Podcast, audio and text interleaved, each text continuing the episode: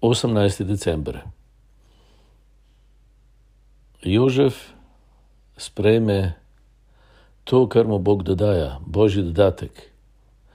Jožef pomeni, Bog naj doda, božji dodatek je pa Bog sam.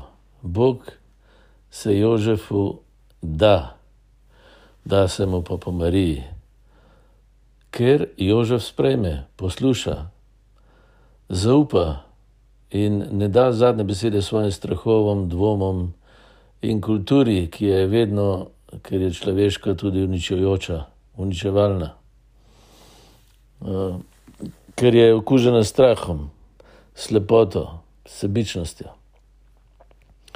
No, in Bog Jožefu doda sebe. Preprosto pa tako, da Jožef sprejme Marijo iz njo tudi Jezusa, tako postanete sorodnika. To je podoba vsakega vernika. Ko sprejmem Jezusa v Mariji, sem sprejel Boga, sem postal Božji sorodnik.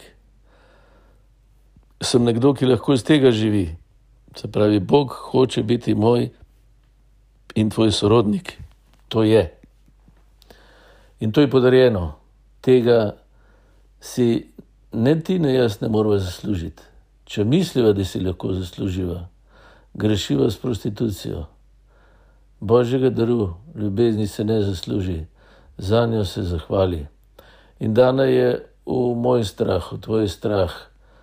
Bog pravi, jaz sem s teboj in te rešujem, to pove v današnjem odlomku. Želim se poročiti s teboj, ti blizu biti bolj kot je ženi nevesti.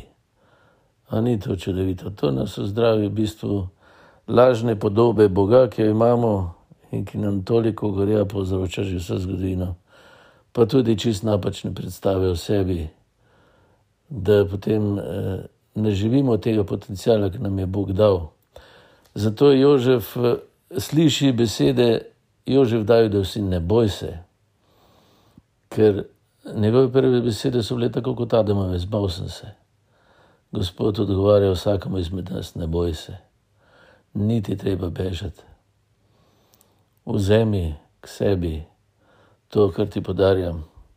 Potem boš nežen, potem boš ustvarjalen, potem boš oživel rodove, ki so za teboj. No, to je beseda za vsakega možakarja, tudi v tem adventu, pa tudi za vsako damo ki je bliže Mariji.